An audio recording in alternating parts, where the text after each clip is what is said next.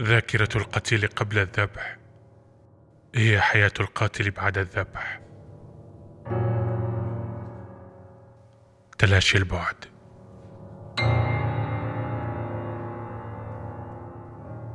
أرضية ممر السجن حائط نائم والحفر كانت نوافذ.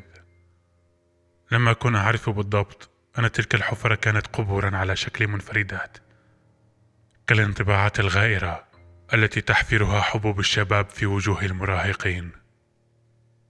طريقي إلى المهجع الجماعي إلى غرفة التحقيق في فرع الخطيب بدمشق كان بياض بؤبؤ العين يلمع في قتامة ظلام تلك الحفر. تأكدت وقتها أن فيها بشرا.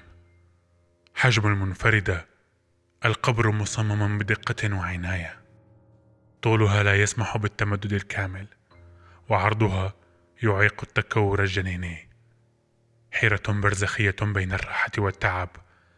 حتى التعب المطلق غير مسموح لأن الألم النهائي الأقصى تتبعه راحة جزئية.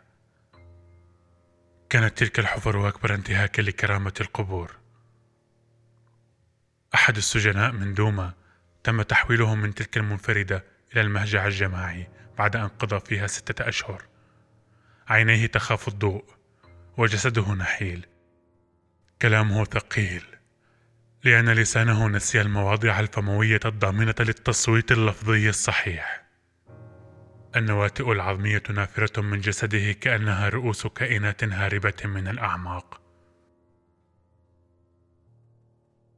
المصافحة تكلفه إحراجا اجتماعيا وجهدا عقليا حادا. يراقب اقتحام يده فراغ الفضاء. رجفان ضيق الاتساع كتردد البوصلة قبيل اختبار الجهة تمر يده بالقرب من يد الآخر.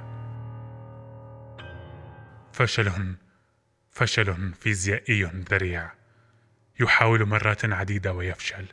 يقول بينه وبين نفسه العمى ما عاد زبطت.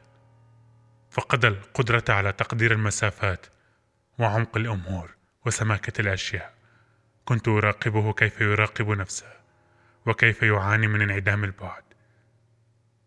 من خفته الثقيلة التي لا تحتمل من حواسه التي لم تعد حواسا.